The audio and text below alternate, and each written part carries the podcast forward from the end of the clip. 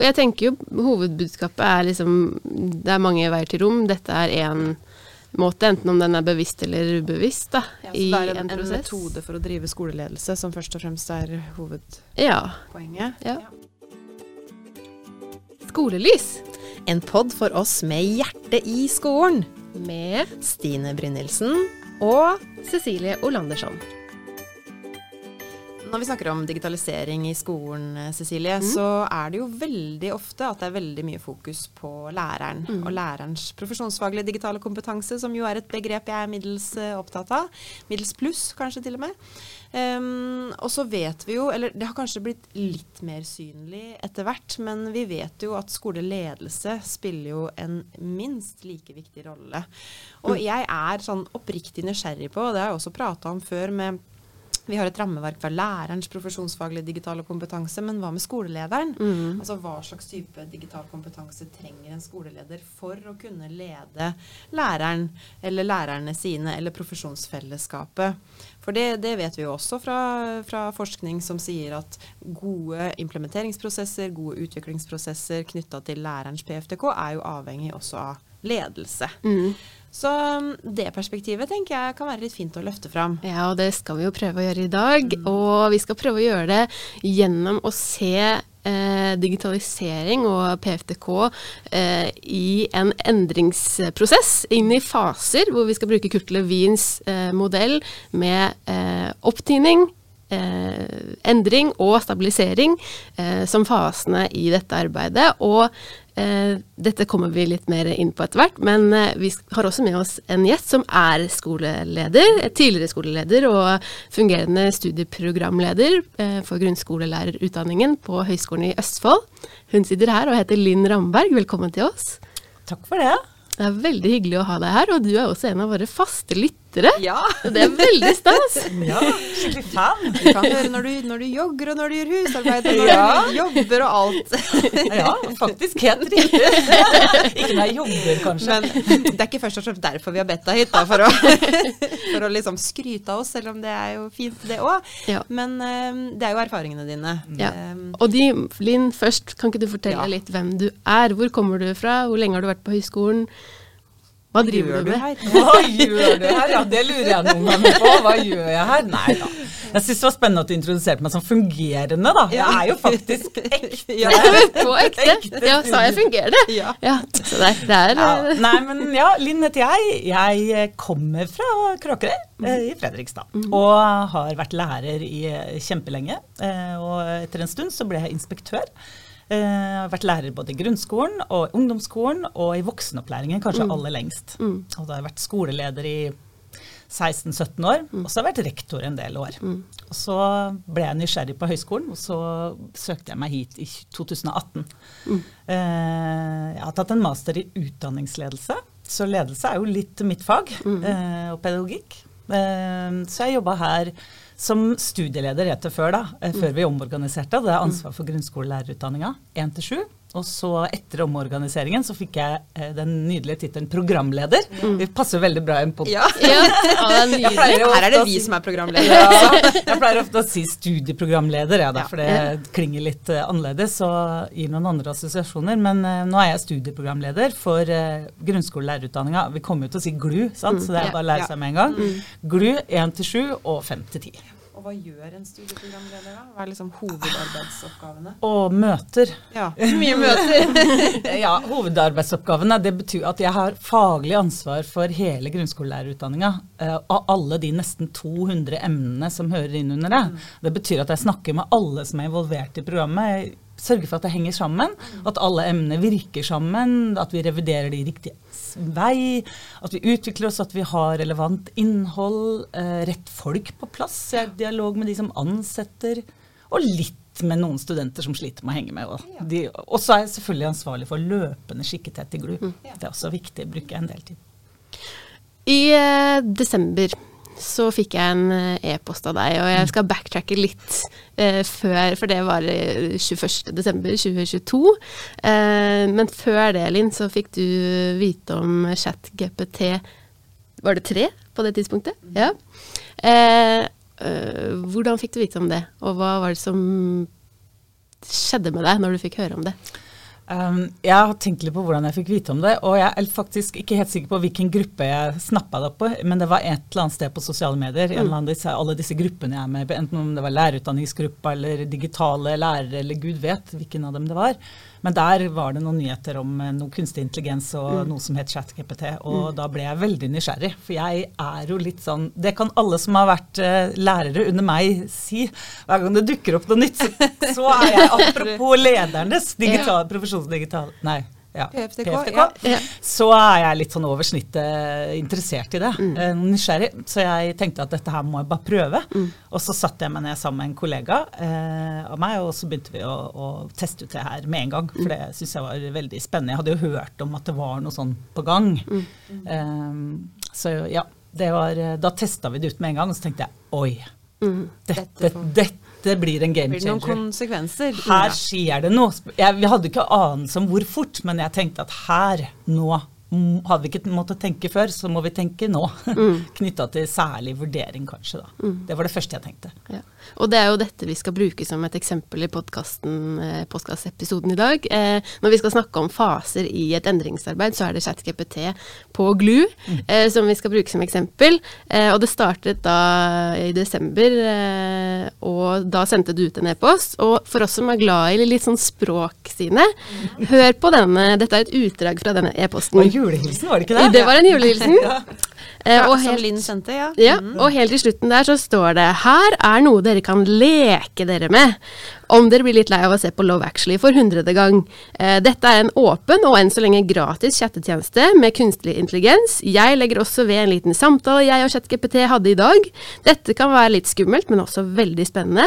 Hva betyr dette for dannelse, læring, vurdering, undervisning, arbeidskrav, eksamen, og ikke minst hva er kunnskap og kompetanse? Og det her skulle man tenke på innimellom juleribba.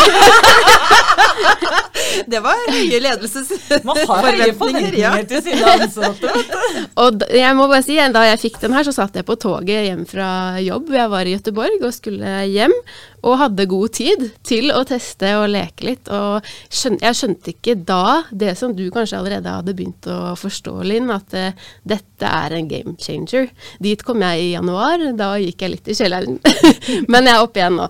Uh, men ok, så dette er på en måte Den e-posten er, hvis vi tenker på Levins faser, så er dette på en måte starten av en opptining. Men kan jeg rekke opp hånda først og spørre Altså, Kurt Levin. Ja. Han, 1951, eh, lagde han denne modellen, Mm. eh, ser det ut som. Kan ikke du bare sette oss litt inn i eh, mannen og modellen? Ja, altså Dette er jo en modell som vi, hvor en endringsprosess deles inn i faser, eh, og hvor den første fasen er opptatt av å eh, på en måte sette seg inn i, i situasjonen. Hva er det som er utfordringen her? Og så kommer selve endringen etterpå. Eh, vi skal, da går vi jo dypere inn på det etterpå. Og så handler det om å på en måte eh, tine opp, finne ut av, og så eh, fryse på nytt. Så refreeze på slutten. Eh, for å endre noe som man ser er en utfordring, eller kanskje ikke man ser at det er en utfordring enda. Men det her er da altså en modell som er utvikla ikke nødvendigvis med et lederperspektiv, men som handler om endringsprosesser, Ja, endringsarbeid. endringsarbeid. Og så kan man jo kanskje også nevne at Kurt Levin har jo vært uh, ganske viktig innenfor aksjonsforskning. ikke Ja, sant? Den, ja. den begynnende i hvert fall aksjonsforskninga. Så, så man kan henge noen knagger på, på han der. Ja. Kan, kan jeg få føye til noe? Ja. Ikke for å blande meg inn, men jeg syns det her er Ja, men det er jo derfor du har bedt hit. ja, men jeg synes det er, altså Du sier liksom 50-tallet, og tenker jeg ikke dette litt sånn gammeldags uh, Nei, det var ikke det jeg tenkte. Nei, men jeg det var tenker det litt jeg sånn, tenkte, ja, men jeg tenker noen ganger det. Men, men det her er jo en modell som er blitt videreutvikla Ja, atskillige ganger, og så bearbeida, og flere har lagt i flere dimensjoner, også langt ut på 2000-tallet. Ja. Og det som jeg syns er kjempespennende med den modellen, er jo at en dimensjon til som går liksom sammen med den eh, opptinningsfasen, at man liksom går fra å være ubevisst Ja. inkompetent. Ja. Man vet ikke at man ikke vet noe helt ennå, til, å, bli, til å bli bevisst eh, inkompetent. Ja. Ja, og, så går man går man liksom videre i neste fase til å si ok, dette kan jeg ikke, men nå skal jeg lære meg det, eller vi skal gjøre noe på nye måter, eller vi skal tenke på nye måter, og så blir man på en måte eh, bevisst kompetent. For det er sånn, ok, nå skal vi gjøre det riktig. Nå øver vi oss litt, grann, og så går det over til vanlig praksis som er automatiserte praksiser. Da, som, og da tenker man jo ikke over det lenger, og da blir man på en måte ubevisst kompetent. Og det syns jeg er så spennende, den reisen der fra, fra å være helt jeg elsker det uttrykket, å være ubevisst inkompetent og liksom til å være ubevisst kompetent. da. Det syns jeg er så, så Og det fint. var på en måte den togreisa fra Göteborg for meg. Det Ja. var, eh, Da var jeg ubevisst inkompetent, ante ikke hva jeg drev med. Nei? Ja. Og, og jeg jo tenker at det er spennende da å trekke linjene fra 1950 til eh, desember 2022, ikke sant? med hvordan ting plutselig kan skje, og hvordan da gamle modeller kan lære oss til å se på nye eh, fenomener. Absolutt. Men ok, endringsledelse eh, generelt, og nå, nå skal vi liksom ta på oss digitalisering og ledelsesbrillene når Ja. vi ser på den. Ja. Jeg er med. Ja, og da, det, da åpnet jo du, Linn, denne opptiningsfasen med den e-posten, som kanskje noen leste hele veien ned. Vi får håpe at mange gjorde det, og kanskje noen til og med åpna eh, AI-verktøyet og prøvde det da. Eh, og jeg vet at eh, noen gjorde det, jeg vet at, eh, eller jeg tror jeg vet at ikke alle gjorde det. Sånn er det jo alltid. Ja. Eh, og så hva gjorde du videre da i på en måte det å utforske dette verktøyet og denne muligheten sammen med fagansatte på GLU? Ja, altså Det første jeg tenker det er viktig for meg i en sånn fase, i hvert fall når vi får en sånn veldig forstyrrende avbrytning rett inn i praksisen vår, som jo det her var. altså Plutselig en sånn altså i, I endringsledelse i skolen så er det jo ofte sånn at vi planlegger en endring, eller vi får noen resultater, eller vi, liksom, vi har litt bedre tid på oss, men nå plutselig skjedde det jo noe Wow! Så hadde hele, ja, skikkelig disruptivt, altså. Og, og um, jeg tenker for meg så er det Altså en, en kamerat jeg kjenner veldig godt, som heter Eirik Irgens, han liker jeg veldig godt. Jeg kjenner han ikke godt. Jeg kjenner, føler jeg kjenner for jeg leser mye av det han har skrevet. Men saken er at han eh, har en modell hvor man ser på ledelse knytta til eh, et, både et slags, et slags toøyd blikk da, på ledelse, som både handler om, om det vitenskapelige øyet og det kunstneriske øyet. Og det vitenskapelige er liksom alt det logiske, og det, og det er skjemaer og protokoller og systemer og sånne ting, mens det kunstneriske handler mye mer om å anerkjenne antagelser, holdninger, følelser, mm. eh, verdier, normer, kulturer. Så det er liksom å få, få samsyn her, da. Du skal få disse to til å fungere sammen. Jeg tenker at i en sånn, en sånn opptiningsfase eh, så er det viktig at man anerkjenner alle de følelsene som dukker opp. Mm. man, noen syns det er skummelt, noen syns det er irriterende, noen eh, skjønner ikke hva det er i det hele tatt, eh, noen er kjempetrigga. Og hele det toget, det er en stor gjeng vi i lærerutdanninga. Det er over 250 mennesker som spiller sammen i lærerutdanninga, som, lærer, som er lærerutdannere sammen med oss. Hvis vi bare tar de som er på campus, så kan vi legge til minst like mange i praksisfeltet som også er lærerutdannere. Eh, alle disse menneskene må forholde seg til det her, og da innenfor der så fins alle de kategoriene folk. Og det må vi på en måte anerkjenne. Og da er det, tenker jeg vi begynner litt forsiktig med å leke oss litt med det her litt sånn pent fram. Og så, og så og så til slutt, da, så du har på en måte trigga de som går først, og de kommer til å bli endringsagenter sammen med deg. Sant? Hvis du får tisa nok disse folka, som dere, sånn som dere, sånn som Cecilie, sånn som mange andre som vi jobber sammen med, hvis du får trigga de litt, så kan de hjelpe til med den endringa. Du trenger ikke å dra hele den alene. Og så kommer selvfølgelig det bakgjengen som ikke testa ChatGPT, for å bruke det eksempelet, da, før typ 1. april.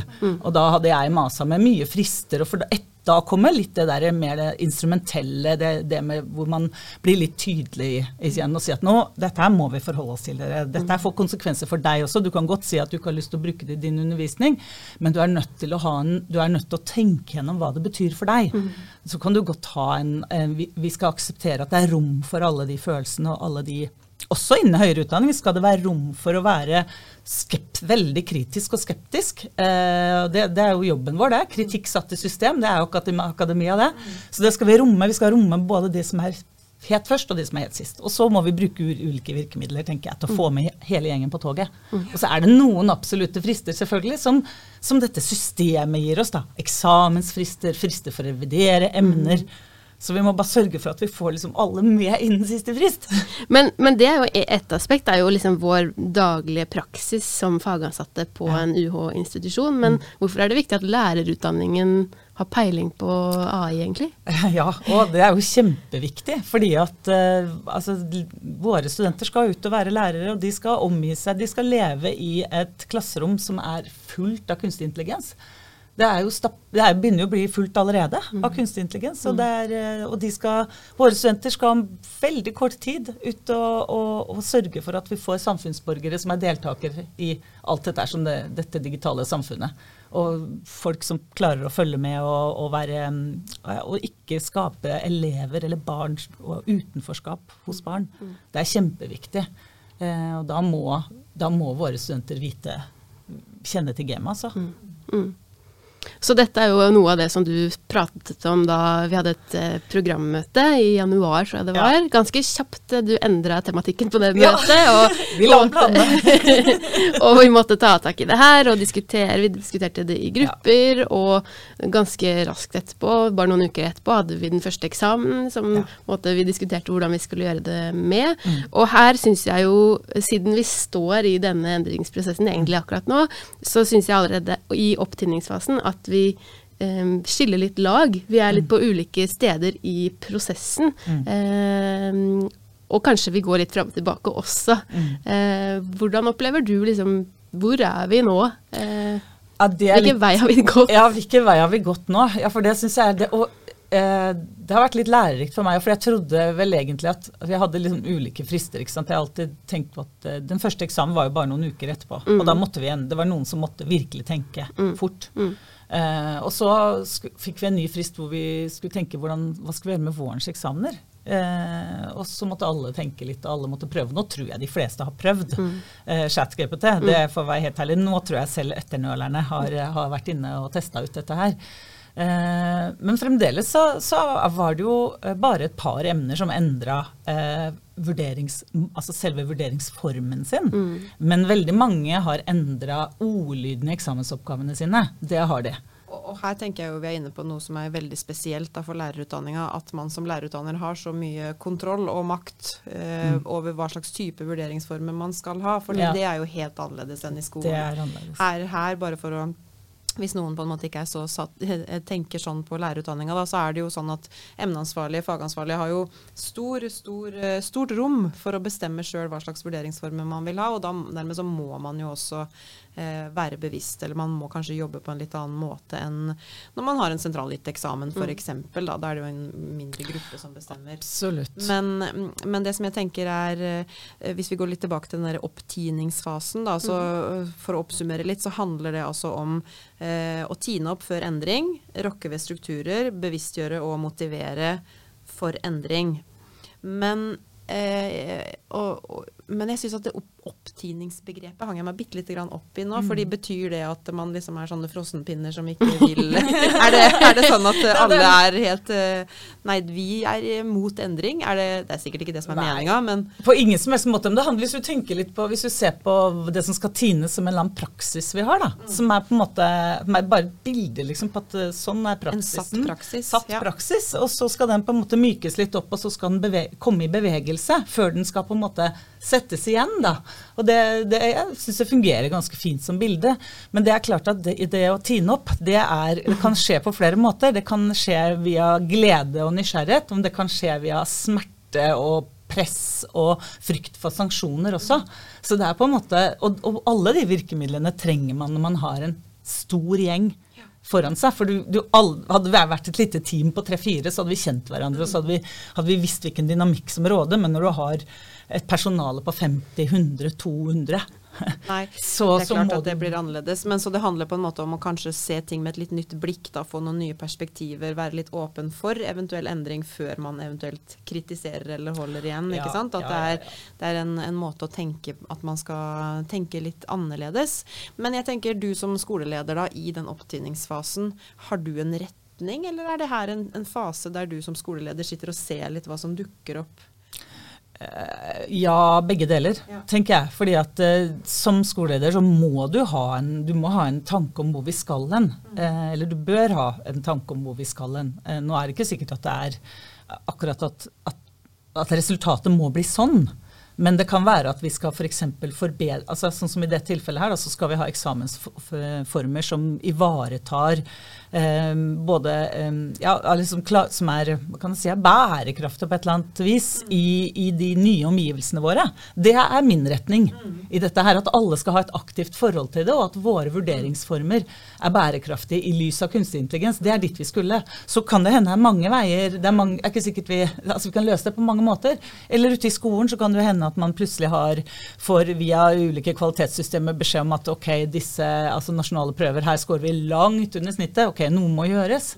Eller så kan vi som skole sammen ha bestemt oss for at nei, nå skal vi satse på klasseledelse, eller nå skal vi satse på digitale dingser, eller nå har vi fått én-til-én-løsninger eller et nytt verktøy. Altså, eh, så tenker jeg at det er viktig at de som er med, får eh, veldig stor påvirkningskraft på hvordan man skal gjøre det, og hvordan man skal løse det. Men at du, du som skoleleder så må man ha et mål. Du må liksom ha en retning, du Det må peke vei, sånn at ikke man skal tine opp uh, Ja. alt mulig. Ja. Uh, mm. Og det er litt skummelt med å være leder òg, fordi det er litt sånn at når man, til, til syvende og sist så er det når regnskapets time skal, kommer, så snur alle seg mot deg, og så er det sånn OK, hva har du gjort? Ja. Eller, eller når ingen vet hva de skal gjøre, så snur også alle seg til deg og sier hva skal vi gjøre til slutt? Sant? Så, da, så, så det handler om å få folk med på laget på en eller annen måte, da. Mm. Og her har du òg da rydda plass. eh, Du har rydda bort eh, noen ting for å da møte dette, Mm. denne utfordringen her. Eh, og valgt deg ut liksom det som område. Og så er det sånn at eh, jeg som jobber ganske mye med deg, Linn, Mm. eh, jeg har møtt på det, denne tematikken i møter med deg, men på veldig mange ulike arenaer. Og, og da tenker jeg vi er litt over i endringsfasen, mm. fordi at her begynner man å på en måte utforske, og eh, du, du snakket om agenter i stad. Eh, hvilke konkrete eksempler, eller kanskje diffuse konkrete eksempler, eh, kan du gi på, på måte, hvordan dette har blitt tatt opp og jobba med i endringen? Oi. Um, ja, det kan du si. Vi har jo hatt møter, som du sier, hvor vi har hatt eh, Vi hadde jo inne en kollega av oss, Magnus eh, Nord, som var inne og prata litt om eh, ganske tidlig på programmøtet. Og hadde en slags intro. Og viste fram en podkast som han sjøl hadde laga, og, og en film han hadde laga sjøl, og, og som en slags starter på det her. Eh, I tillegg til det så har vi jo hatt kollegaer som har testa det ut. Eh, testa ut vurderingene, altså testa ut eksamensformer. Mm. det har vi jo brukt og diskutert. Eh, jeg har lagt ved i en del grupper vi har vært, så har vi hørt på, eller sagt som forberedelse til møtet, så skal vi lytte til ulike podkaster som har tatt opp tema. Eh, lest nyhetsbrev, testa det ut. Eh, og mm, det har vært eh, ting vi har gjort. Og så er det, har jeg også tenkt at dette her er no, altså Utviklingen skjer så fort, så her må på en måte de erfaringene vi samler på oss gjennom våren nå, det må vi også ta med oss som tiltak. ikke sant? Ok, dere, vi, Det blir så bra som det vi klarer å gjøre det nå. Det, vi må også trygge folk på at dette her er, dette er ukjent. Så her går vi litt sånn de første skrittene sammen. Ja, for det tenker jeg jo, altså Når vi har valgt å bruke ChatGPT som eksempel da, på digitalisering og skoleledelse, så er jo det på en måte skoleledelse på, på speed. Ja, ja, Det er det er, det er fra, vi snakker liksom som om desember var kjempelenge siden, og nå sitter vi i mai. Uh, ikke sant? Man. Det er jo sjelden at skoleutvikling foregår sånn over fire måneder, eller fem måneder. ikke sant? Så, så her er vi jo midt i. Det er ikke rart i om dere er midt i, Nei. eller vi er midt i prosessen. Men men vi har gjort et par ting til. Vi har laga fagdager. Eh, vi har jo hatt eh, fagdag på, um, på Litteraturhuset i Fredrikstad, hvor alle lærerutdannere og andre publikummere også var invitert til å snakke om dette her. Vi har jo søkt om forskningsprosjekter, vi har eh, hatt interne fagdager, og vi kommer til å ha flere. Eh, fordi nå er vi ferdig med nå er vi, vi er ikke ferdig med, vi er midt inne i den store slutte, altså sluttevaluering. Det er jo det vi driver med i høyere utdanning. Det er ikke så, så mye underveisvurdering. det. Det er veldig mye sluttvurdering, så nå er vi inne i eksamensperiodene. Og nå får jo alle virkelig testa ut eksamensoppgavene sine. Eh, og, og det her med Jeg er veldig spent på hvordan de opplever vurderingssituasjonene sine nå. Både, særlig de skriftlige, da, men også kanskje de andre som har litt sånn hybridformater òg. Og jeg, jeg satt i går og tenkte hvordan skal vi starte opp det første programmøtet eh, etter sommeren.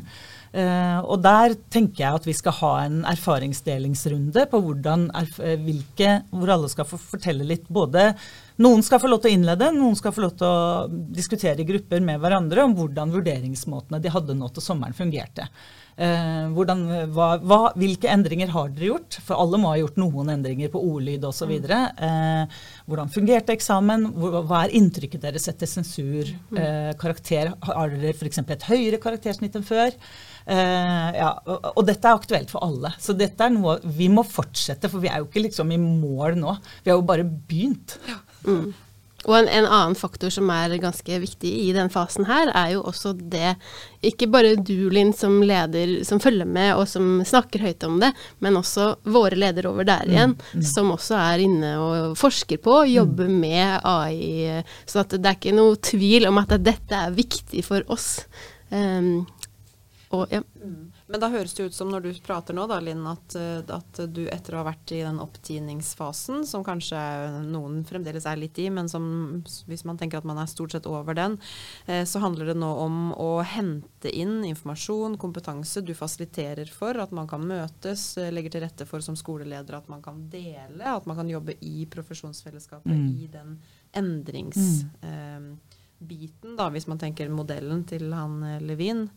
Ja, kanskje å øve og trene litt ja. og diskutere med hverandre. Og dele. Ja, og dele, ikke minst. fordi at dette her er jo det her er det jo ikke noen Det som er så bra med det her, det som gjør det litt gøy og litt ufarlig å jobbe med, det er at det fins ikke et sett med omreisende eksperter eksperter som sier at sånn skal vi gjøre det. For sånn har det jo noen ganger vært i skoleutvikling, det har vært i, liksom, i vurdering for læring, ja. ånd osv. Så, videre, så at det fins liksom team oppnevnt av, av UDIR som mm. reiser rundt og, og liksom skal, skal gjøre ting. men nå, det her er jo veldig sånn, her går vi sammen. Det er ingen som helt vet hvor det ender. og Det, ikke, det ender ikke noe sted heller, Nei. sikkert, men det bare fortsetter å utvikle seg. Men det går så fort, så her, her er vi liksom alle sammen Plutselig så skjer det noe nytt, så kommer ChatGPT4, og plutselig så kan den Jeg hørte på en podkast på vei hit i dag hvor, da, hvor, hvor, det, hvor det, var en samtale med ChatGPT4, liksom. Mm. Og, det var, og da snakket de om skole og undervisningsopplegg og lærere og hva det betyr, og, da, og det var jo Jeg mener dette, blir, dette, er utrolig spennende og litt grann skummelt. Ja, fordi ja, å være absolutt. kritisk blir jo viktigere enn noen gang. Absolutt. Eller som Inga Strymke stort, stadig vekk sier, at man må ha aktørskap. Det er jo det man er redd for å miste, er jo aktørskapet mm, sitt.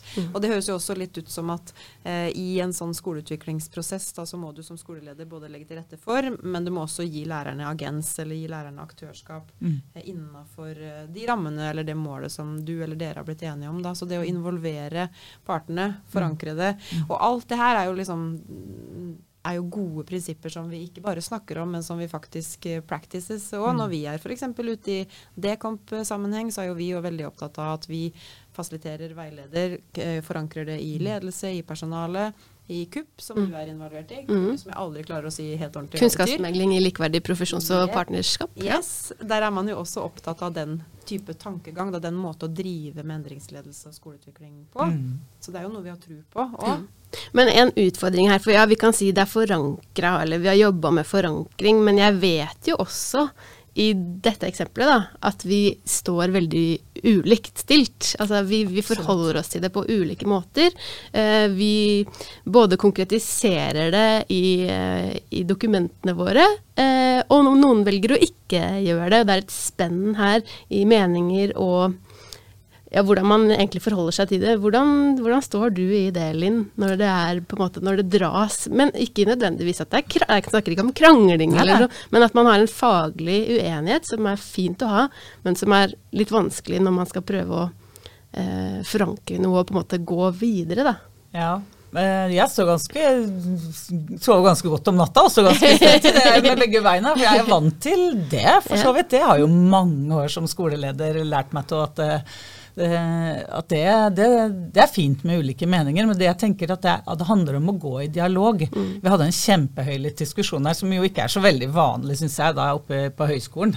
Men uh, oppe i, i, på pauserommet vårt her for noen uker siden uh, hadde jeg en diskusjon med en, en, av mine veldig gode kollegaer, hvor det ble ordentlig høylytt. Og vi syntes det var litt gøy, da. Mm. Men, men, det handler om å gå i dialog eh, og finne ut av altså, hva slags ja, Altså, hva slags rasjonale er det som ligger bak det, eh, de holdningene? Altså, kan man forsvare det? ikke sant? Kan man faglig forsvare at man gjennomfører en, en opplæring eller en vurderingsform som, som, eh, altså, som gir mening da, i, i den konteksten vi står i? Så tenker jeg at det er mye som Da er jeg med på veldig mye. fordi at det, Lærerutdanninga er et stort program, og den skal favne veldig mye.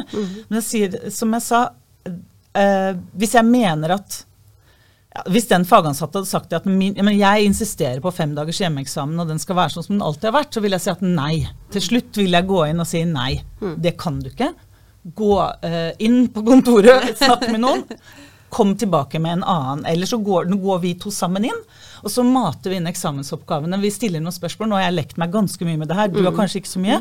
La oss sammen gå inn og, og teste ut hvordan det her funker, så skal du få se hva vi kan få inn. For det har kanskje vært noe av det problematikken Hvis vi skal bruke akkurat ChatGPT, så syns jeg det har vært noe av problematikken mm, i forhold til de som er kritiske, da, og som ikke vil forholde seg til det. Så ja, men jeg prøvde her om dagen, og så prøvde jeg bare å skrive inn eh, den, den eksamensoppgaven, og så kom det bare noe ut som ikke var bra nok.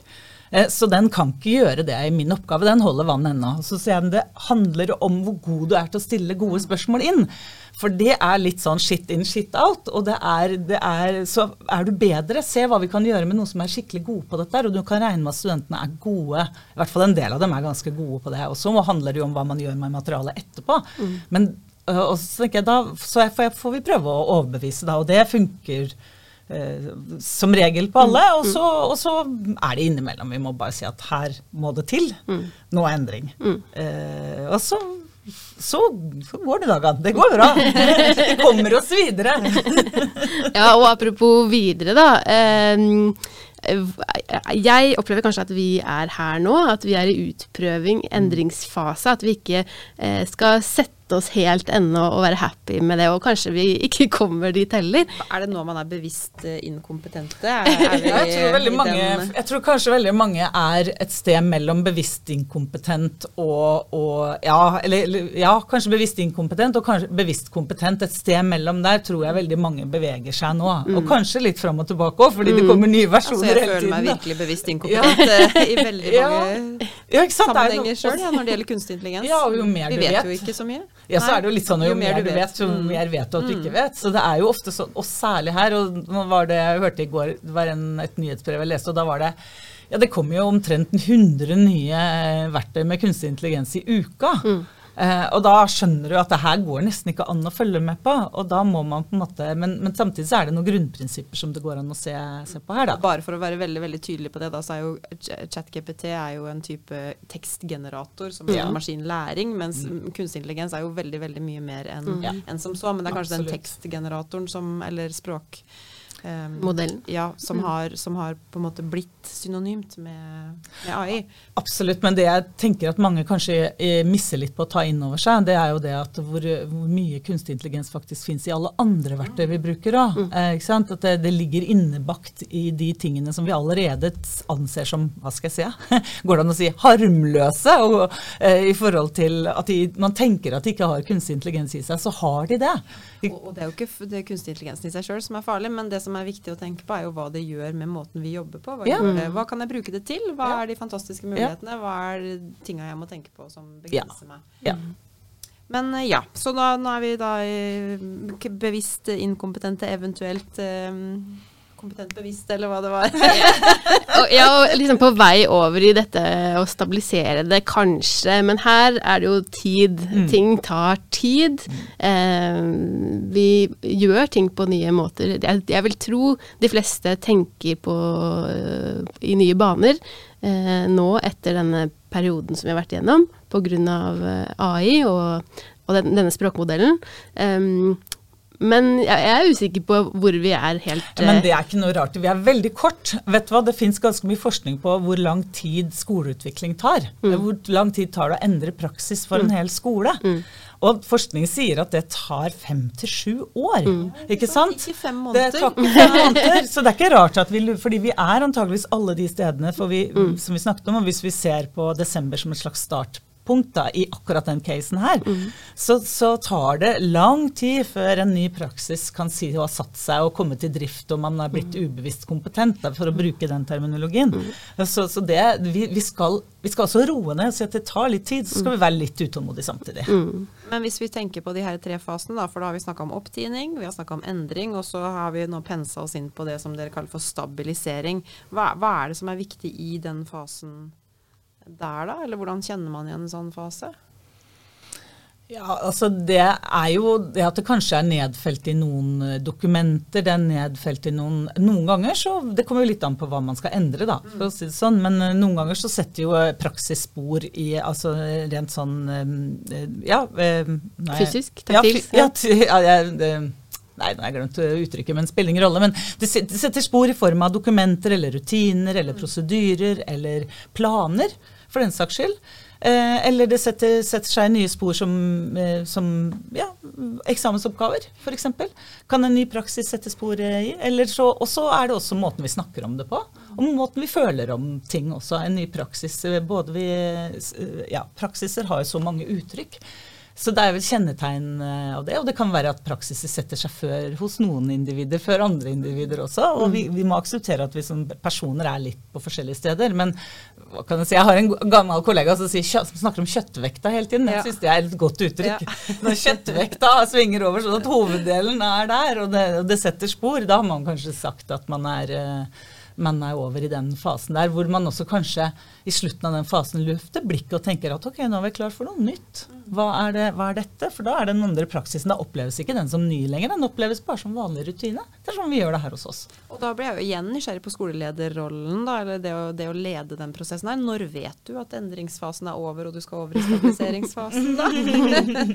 Kom igjen, det Alin. er det sånn ne, neste uke så er vi stabile, dere? Da, Nei, og det er kjempe Det handler om timing og å kjenne de du leder. Eh, det er veldig vanskelig å svare på det, og jeg må si at jeg har tatt feil mange ganger. Jeg husker jeg skulle lede et utviklingsprogram en gang, og vi hadde holdt på med det i tre år. Uh, og, og jeg følte som leder at det her, nå er vi klare for noe nytt. dere. Jeg hadde begynt å designe et nytt utviklingsprogram, for jeg tenkte at nå er vi, dette her, vi kan ikke gå på år fire med dette her. Eh, da var jeg rektor. Eh, og, og, og, men, og jeg kom og møtte mitt personale med det. Eh, liksom Nytt skole og ny retning. nå har Vi gjort noe, vi hadde for så vidt jobba med det i ledergruppa og med tillitsvalgte og sånn, men, men reaksjonen hos personalet var helt sånn Det, var, det falt rett og slett ja, De var helt stille på møtet, og vi prata litt, og sånn, men så begynte det liksom å sildre inn noen sånne småsamtaler. Og så på neste møte da etter noen uker, så var det sånn, vet du hva. Det, det her blir feil. Sant? Og da, da kjente du det. Det stritta egentlig i mange kanaler. Og da måtte jeg bare si at vet du hva, det her, da stoppa jeg bare hele prosessen. Så at jeg føler nå at dette er vi ikke klar for. Jeg kjenner det på dere, og dere sier dere har, det har blitt tatt opp litt her og der. Det er helt greit. Vi, vi, vi kan ikke, jeg kan ikke, altså Endringsledelse er ikke å si og gi en beskjed om at nå skal vi endre oss. Det er det det ikke, Ikke er. Ikke sant? Det er, Du må få med deg alle. Og hvis du merker så mye motstand i begynnelsen, eh, hvis du kjenner personalet ditt så godt, så tenker jeg at da skal man lytte til det. For det handler også om bærekraft for deg som leder også. Du skal stå i dette over mange år. Du skal stå i det sammen med personalet ditt, og du skal ikke bruke deg sjøl opp. Eh, For det kan man veldig fort komme til det punktet der. Og da, det er en sånn slags symbiose. sant? Man lever sammen med det personalet. Man skal kjenne det, og de skal kjenne deg, og de skal tåle deg, og du- skal tåle dem, og så skal vi sammen gå. Og så er ikke det en unnskyldning til å sette seg ned og drikke mer kaffe. Eh, men det er bare noe med å si at ok, men hva skal vi nå gjøre nå, da? Og til historien så hører det med at vi satte oss ned og designet et annet utviklingsprogram sammen.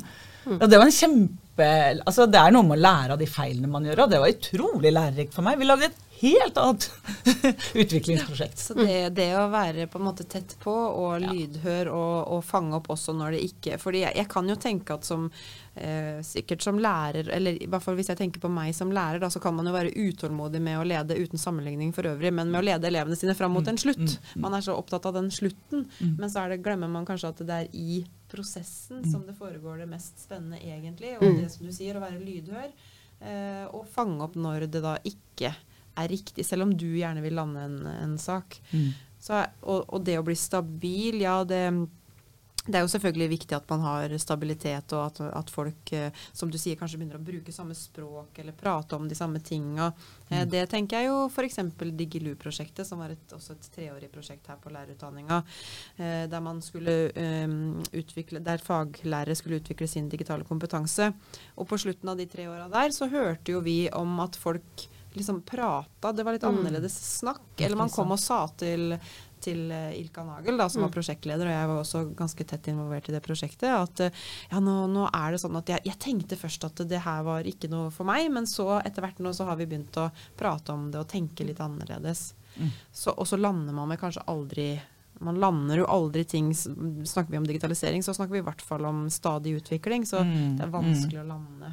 Men det er liksom den kunsten da, på en måte å ha noe i drift, og så skal man alltid ha et prosjekt i utviklingsboksen mm. sin også. Ja, og så skal man på en måte skifte litt. og ok, nå har vi vært, nå har du vært i utviklingsboksen, altså i sandkassa en stund, og så kan, det, nå kan vi ta det inn, og så nå har det blitt rutine. Og så setter det spor på ulike former. Nye, ny timeplan, eller ny praksis, eller nye dokumenter, eller nye måter å samarbeide på, eller nye skriv, eller gud vet hva det er. ikke sant? Og så sier vi ok, men hva skal ligge i boksen nå?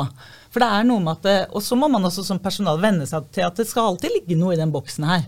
Uh, uten at vi blir slitne og overanstrengt og utviklingstrøtte uh, av den grunn. Uh, men, men, det skal alltid være noe der. Det, verste, det som jeg syns er innmari kjedelig, er liksom, som leder hvor du sitter og snakker om ja, hva, skal, hva, tenker du er det neste sånn personlig, hva har du lyst til å utvikle de neste årene nå? Hva er det, hva er hvis du fikk drømme litt nå, hva ville du gjort, liksom?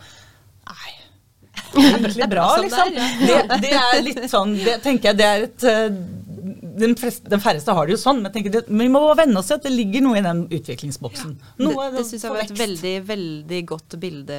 Vi har en utviklingsboks og vi har en driftsboks, og ja. de to løper litt uh, parallelt. Fordi det må være noe stabilt, men det må jo være noe i endring òg. Mm. Det tenker jeg, det er jo derfor vi er så glad i skole, er det ikke ja. det? da? Og, og, utdanning og læring. Fordi vi liker å ha de her Jeg i hvert fall snakker kanskje for meg sjøl, men jeg tror de fleste som jobber innenfor skole, liker å ha både noe stabilt, men også noe som stadig kan utvikle seg. Så, og så er det så liker jeg jo, som, som Irgens også er fan, så, så, liker jeg han har jo en kjempefin modell for det som på en måte ligger litt bak i ryggmargen. For det er noe som skal være i kollektiv utviklingsboks, og så er det noe som skal være i individuell mm. utviklingsboks. Mm.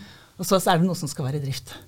Uh, og det er, eh, det er, liksom Ja, skoleutvikling ligger både mye i den kollektive, veldig mye, men det ligger også noe i den individuelle.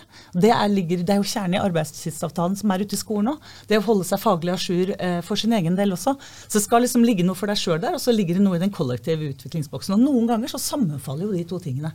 Så det er, det er veldig fint. Jeg må bare si at i løpet av denne episoden her så har jeg gått fra den der inkompetente, ubevisste, til, til, å bli mer bevisst eh, kompetent på skoleledelse. Jeg er jo um, Ja. Det har, det har, vært kjempespennende å snakke med deg, Linn. Mm. Vi kunne sikkert ha snakka i flere timer også, men uh, har du noen kloke avsluttende ord, uh, Cecilie? Som alltid, vi tre vi skal gå en tur ut i sandkassa, og så lar vi dere henge her. I det stabile, i podkasten. Ja. Og så ses vi neste gang vi skal utvikle oss. Takk for at du kom, Linn. Takk for at du fikk være med. Skolelys. En pod for oss med hjerte i skolen. Med Stine Brynildsen og Cecilie Olandersson.